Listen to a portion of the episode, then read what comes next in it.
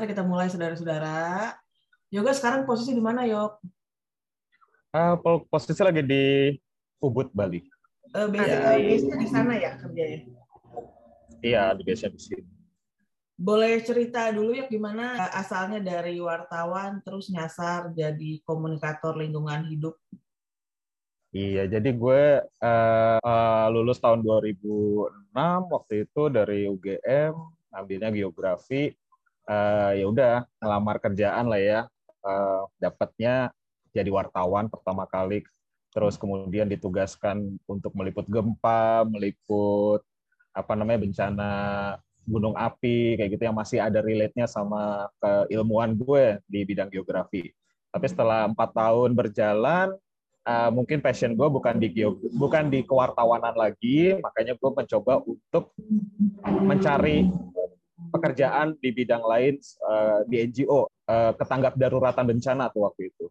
Cuma abis itu seiring dengan perjalanan waktu, uh, gue baru tahun 2016 uh, join dengan NGO yang benar-benar fokus pada lingkungan hidup. Kemudian lanjut sampai sekarang. Nah, lingkungan hidupnya juga spesifik yaitu tentang uh, konservasi laut. Kenapa tertarik tentang konservasi laut, ya? Uh, pertamanya sih ini sesuatu yang baru ya. Masih banyak yang gue masih belum tahu gitu kan. Tapi ketika Sama. itu bergabung dengan dengan pekerjaan gue, gue kan jadi harus mau nggak mau gue harus mencari tahu kan apa. Dan ternyata it surprised me that nature really fascinated me enough with with new facts. Ini semakin semakin menarik karena setiap hari gue kayak belajar sesuatu yang baru. Ada aja faktanya yang baru setiap hari. Jadi gue yang kayak uh, ter, tertantang untuk mengetahui lebih lagi, lebih lagi dan posisi gue sebagai komunikator lingkungan hidup ini kan kita menjembatani ya antara apa yang dibutuhkan oleh nature dengan apa yang perlu dilakukan oleh manusia supaya menjaga keselarasan, keseimbangan gitu di antara keduanya. Nah, ini yang menjadi menarik Selama lu kerja di eh, bidang konservasi kelautan, fakta paling menarik apa yang mungkin lu tahu baru belajar tapi orang pada umumnya nggak tahu, yuk? Ya, jadi untuk terutama ini untuk uh, subjek yang gue uh, utama pekerjaan gue adalah tentang terumbu karang. Gue juga hmm. baru tahu ternyata dari enam tahun yang lalu ternyata terumbu karang itu bukan tumbuhan saudara-saudara melainkan hewan gitu hewan. jadi faktanya adalah ternyata si terumbu karang ini dia itu tergolong ke dalam uh, mungkin gue uh, secara taksonomi ya dia tuh tergolong ke dalam cnidaria gitu kan terus kemudian dia memiliki sel-sel penyengat kemudian dia mampu ber apa namanya terdiri dari koloni-koloni polip yang satu sama lain Eh, saling bersimbiosis, terus kemudian bisa menangkap makanan, kemudian memiliki sistem pencernaan, kemudian bisa berkembang biak secara seksual dan aseksual. Uh, jadi itu ada morfologi secara morfologi dan anatominya itu membedakan uh, antara uh, tumbuhan dengan hewan gitu. Jadi si hmm. si si koral ini tergolong pada hewan karena anatominya itu mendekati lebih mendekati ke anatomi hewan.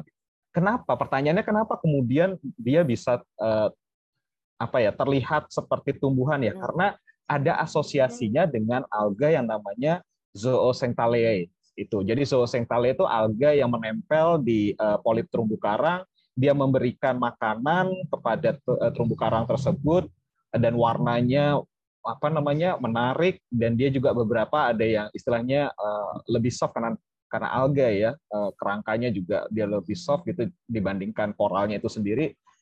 Itu yang kemudian yang terlihat kan yang terlihat oleh masyarakat eh, orang-orang tuh oh dia kayak tumbuhan. Padahal itu hanya zoocetaleanya aja gitu.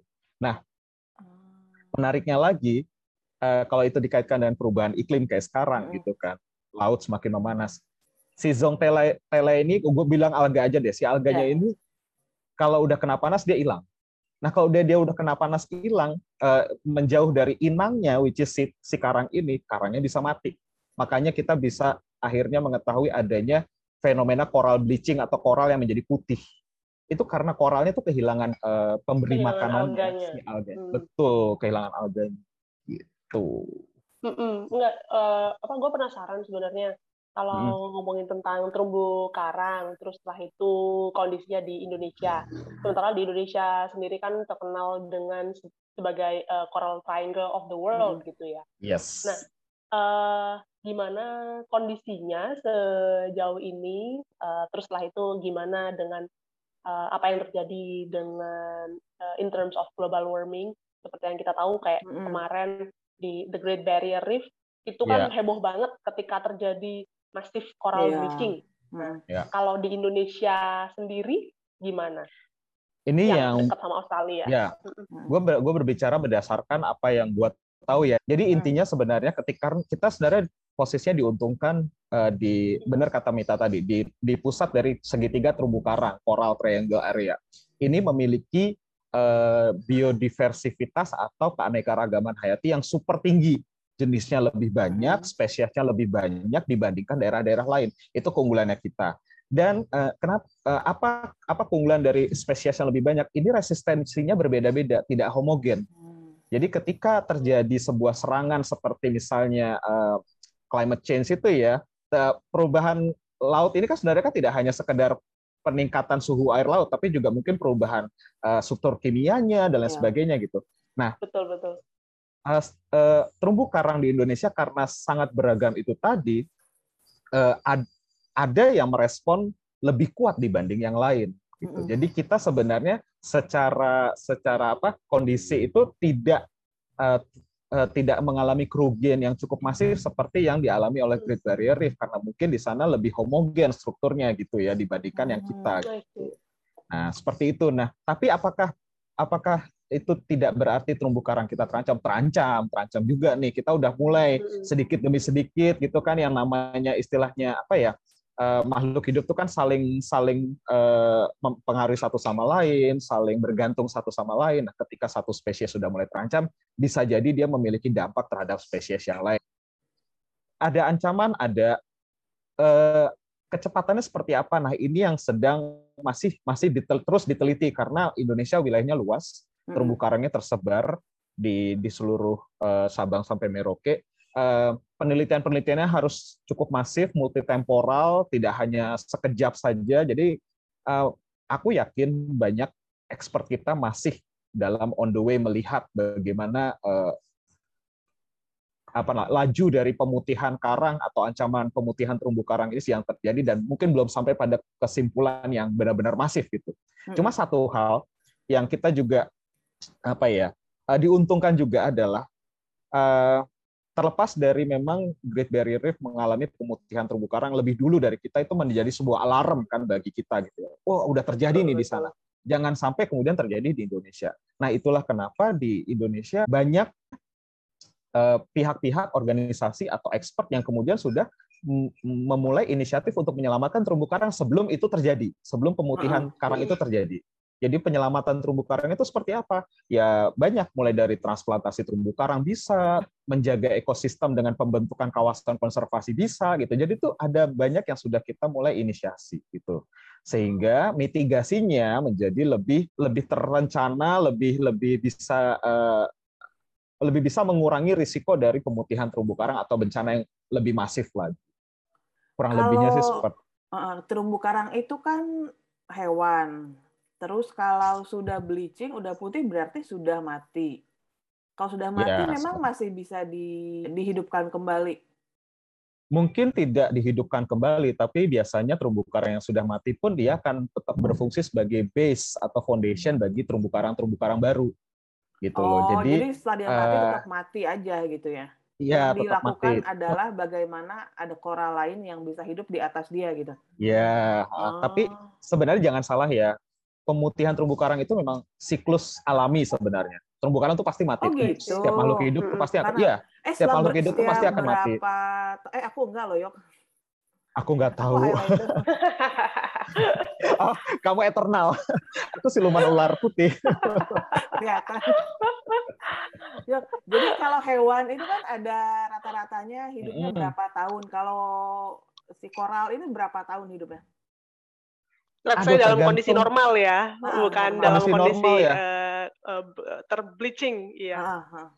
Uh, umur terumbu karang itu tergantung dari jenisku juga nggak apal ya, tapi tuh dia tuh bisa sampai ribuan tahun sih memang. Hah? Jadi kayak, iya, jadi tuh kita kita tuh ada menemukan satu struktur terumbu karang misalnya di di laut itu yang kita perkirakan udah udah lebih dari 500 tahun atau mendekati 1000 tahun. Itu kan kayak kita melihat dari jejak karbon atau atau ya.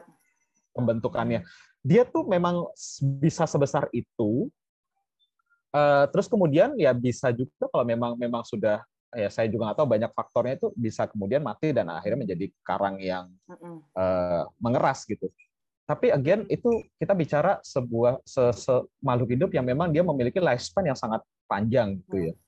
Cuma itu uh, siklusnya memang seperti itu. Ketika ketika terumbu karang kita ini aja percobaan yang paling sederhana waktu itu adalah kalau misalnya kita uh, melihat terumbu karang yang baru hidup terus kemudian kita angkat kita pisahkan dari dari indukannya kemudian kita apa sih istilahnya uh, bikin dia stres dan sebagainya itu tuh udah kelihatan tuh si alganya memisah menjadi lendir kemudian jadi slimy gitu kan kemudian si terumbu karangnya mati ya itu dengan singkat gitu aja kita udah bisa melihat bahwa oh kalau tanpa istilahnya apa uh, peningkatan suhu atau climate change ini juga sebenarnya terumbu karang punya siklus yang seperti ini gitu secara natural dia juga bisa mati gitu. tapi kan ini masalah dipercepat atau uh, senormalnya selama sekian ratus atau sekian ribu tahun itu. By the way, kalau untuk uh, terumbu karang sendiri, uh, kalau sudah uh, menginjak dalam proses penanaman terumbu karang, itu kan berarti sudah hmm. dalam ranah uh, restorasi gitu ya. Yes. Nah, dalam hal ini apa yang bisa kita lakukan uh, dari sisi kita nih ya sebagai mm. uh, manusia-manusia awam, gimana kita bisa berperan untuk bisa memperlambat kerusakan terumbu karang yang ada begitu? Um, think about apa yang kita lakukan di darat itu pasti akan berimbas di laut gitu bermuara di laut gitu kan. Kita selalu percaya hal tersebut ya ada hilir ada ada hulu ada hilir gitu kan. Betul, jadi betul. memang polusi di darat misalnya dia akan menjadi hujan asam kemudian turun di laut terus kemudian meningkatkan acidities dari dari laut itu sendiri itu pada satu titik juga akan mempengaruhi struktur kimia dari laut tersebut. Itu satu. Kemudian sampah hmm. plastik terutama itu juga. Jadi sampah plastik ini yang tidak mudah terurai, yang dia hanya bisa breakdown menjadi serpihan yang lebih kecil gitu.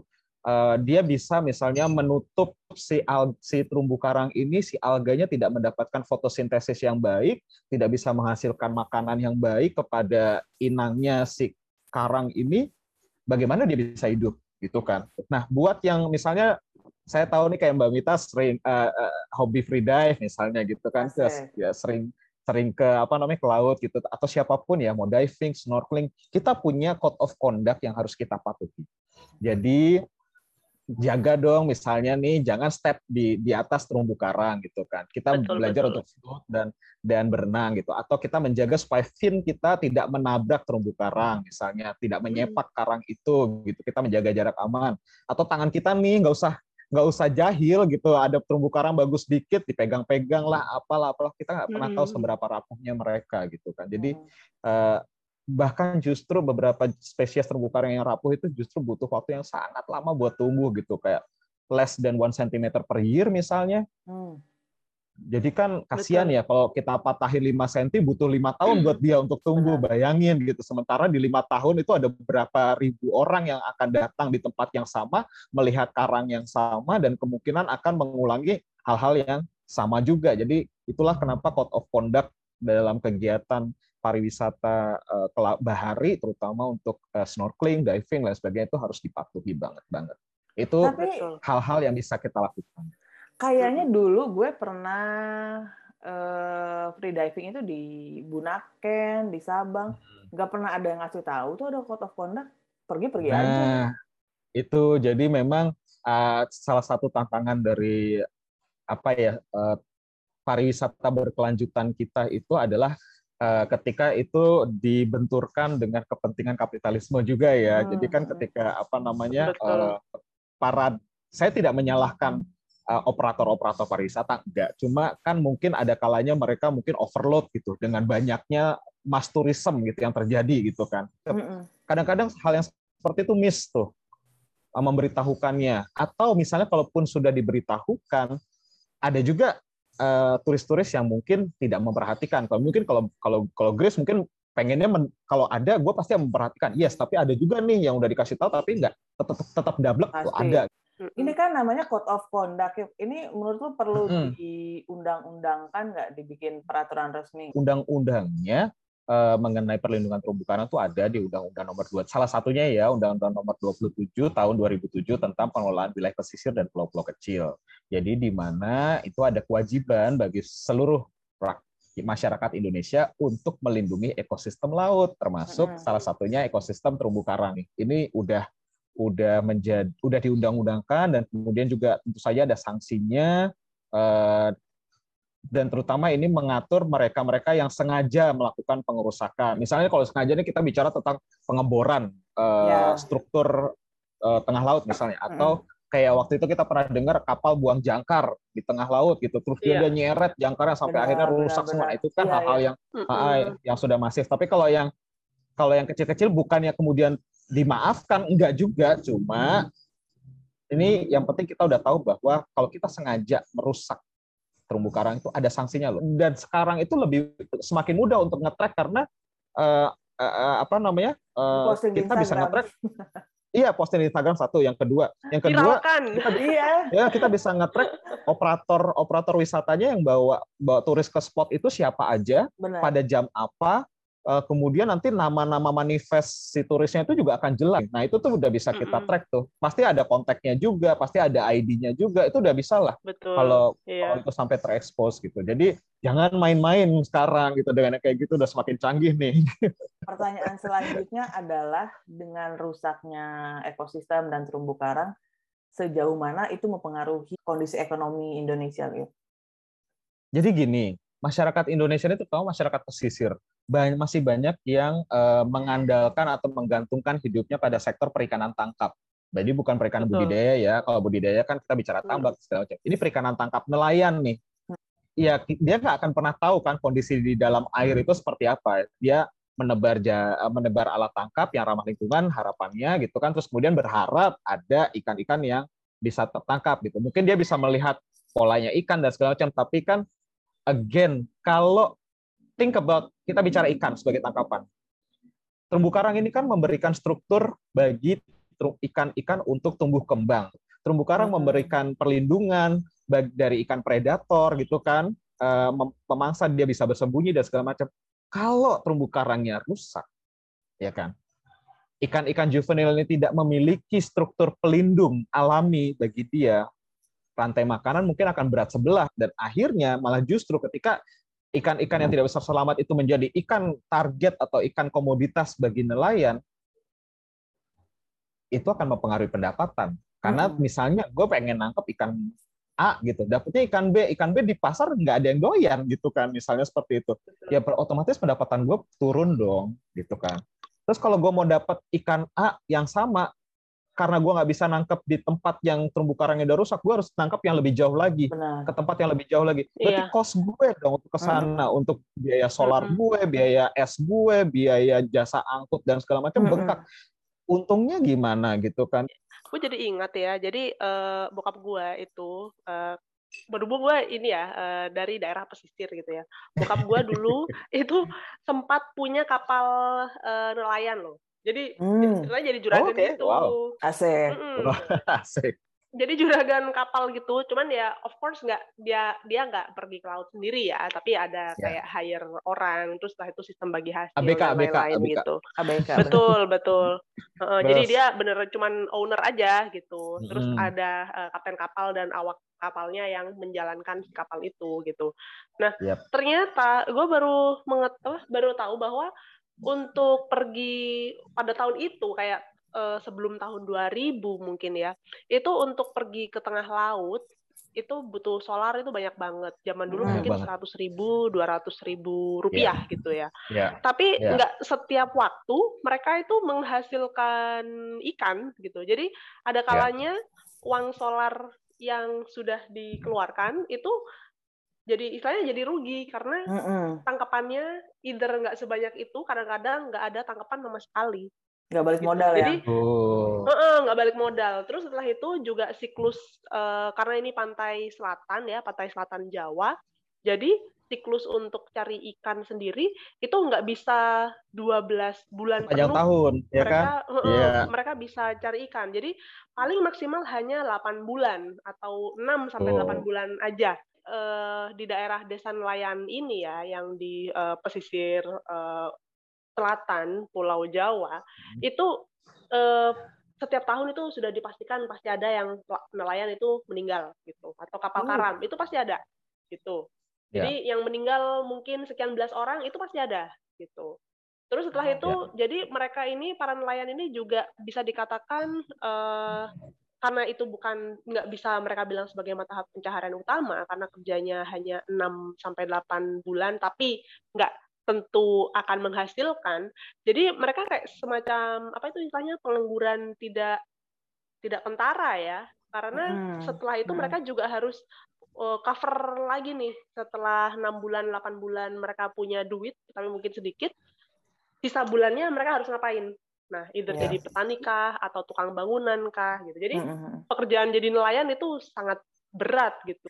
Ini kan kalau pengaruhnya ke perekonomian kecil ya masyarakat Betul. kecil. Yes. Kalau eh, pengaruhnya ke ekonomi Indonesia secara makro apa aja, yuk?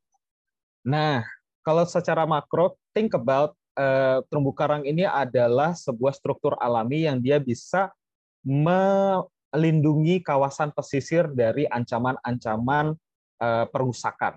Misalnya nih gelombang laut yang tinggi, karena terumbu karang itu dia bisa menjadi pemecah gelombang yang dia bisa mengurangi risiko abrasi di uh, tepi pantai. Ini kalau ini yang lebih tinggi lagi ya, dia bisa hmm. menyerap uh, karbon, nitrogen dan sebagainya oh, sehingga ya? menstabilkan atmosfer. Yes, dengan kan dengan laut. Iya, tapi kan again kan dia berasosiasi dengan alga itu tadi. Alga untuk berfotosintesis dia membutuhkan karbon dioksida, saya. Ya kan?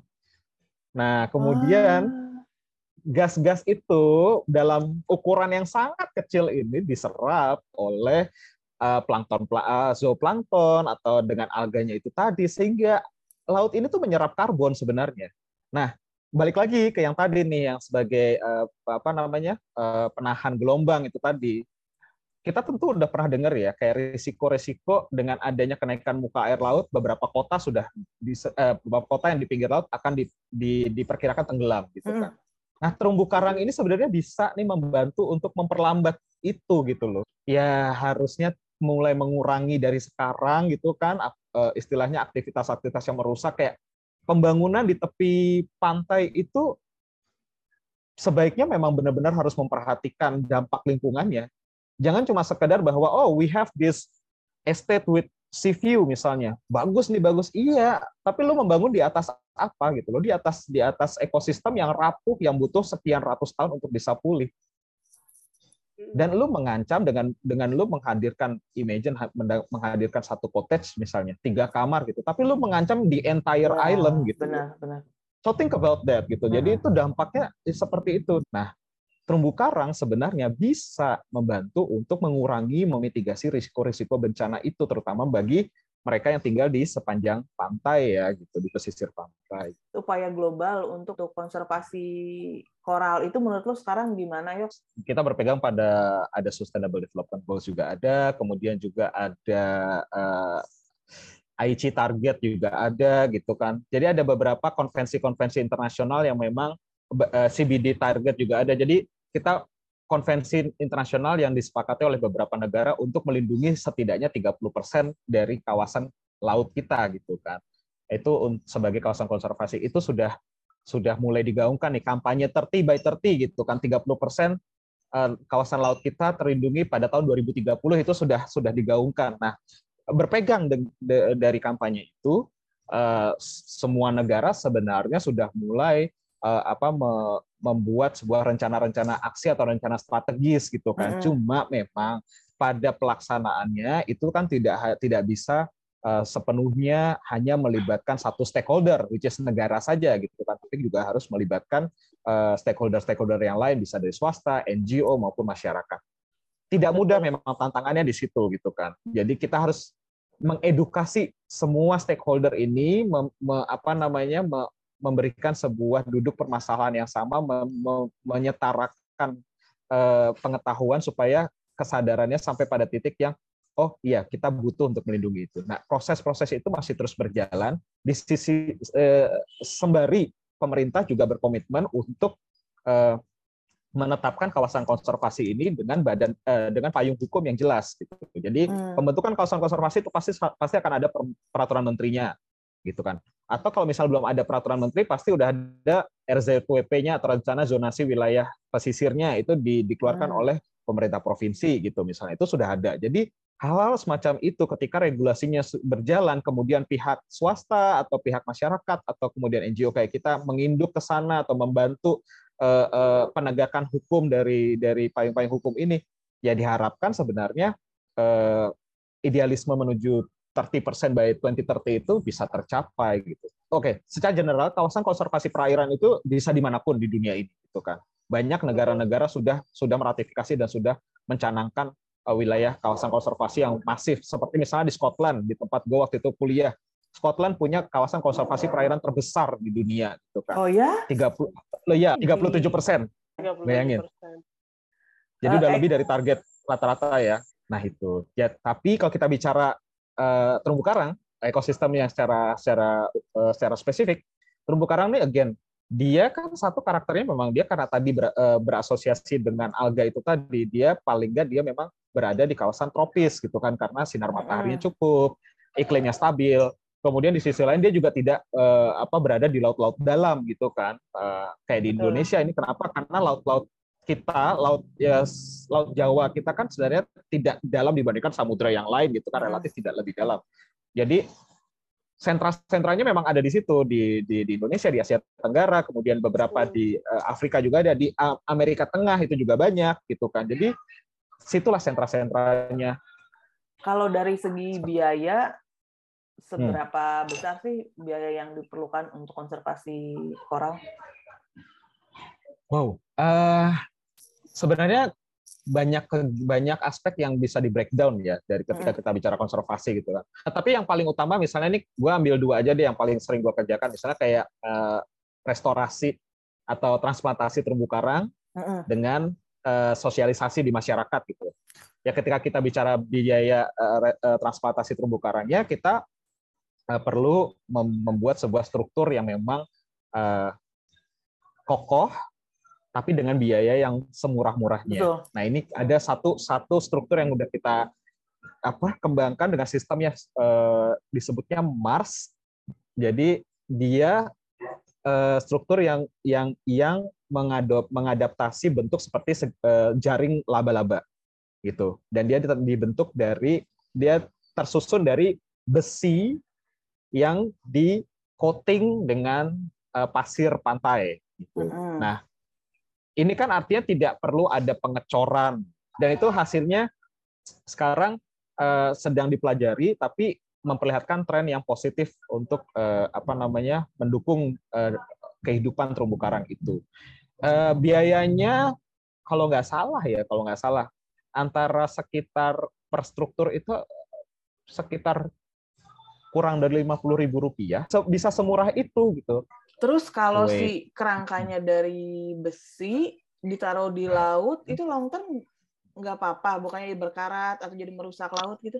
Nah, karena ada coating tadi, ada proses coating dengan dengan apa namanya kita menggunakan resin yang ramah lingkungan, kemudian kita coating dengan pasir sehingga si besinya itu akan tetap tetap uh, bertahan atau kalaupun besinya korosi gitu ya rusak gitu ya karangnya sudah tumbuh. Dari pertama kali si struktur ini dibuat sampai karangnya hmm. tumbuh itu perlu berapa tahun ya?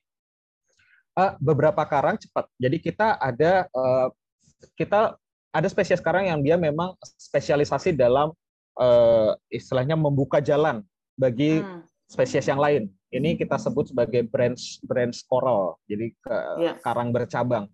Itu dia memang uh, kita kita prioritaskan untuk ada di eh, untuk kita pasang di struktur tersebut gitu kan kita kita install di situ. Setelah struktur itu ada, itu yeah. tuh ada ada benih karang spesifik gitu yang ditanam di situ. Ya ya, yang kita kaitkan. kita pakai kayak apa namanya uh, tali. Uh, benihnya dari mana? Berarti kita mau tekin ini hmm. dong, apa karang yang hidup dong? Ya, yeah, at some point yes.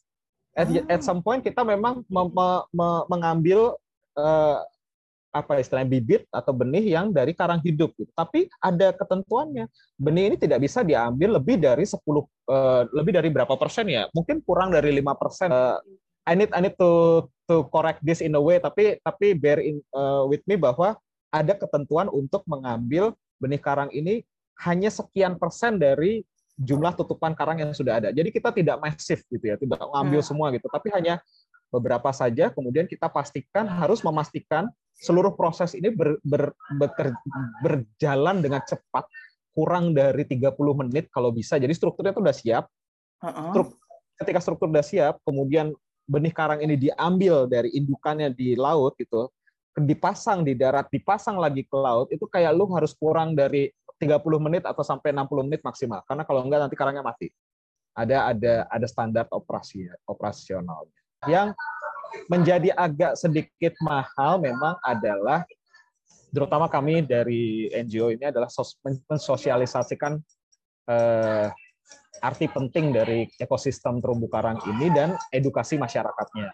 Yok, ini berarti untuk kita orang-orang urban seperti gue misalnya yang kalau ke laut cuma setahun sekali, apa yang bisa kita lakukan untuk membantu konservasi koral? Yes, uh, buat kita yang jarang ke laut, ya pasti uh, perhatikan gaya hidup lo, uh, karena gaya hidup lo itu ada uh, pasti akan ending bermuara di laut, gitu kan.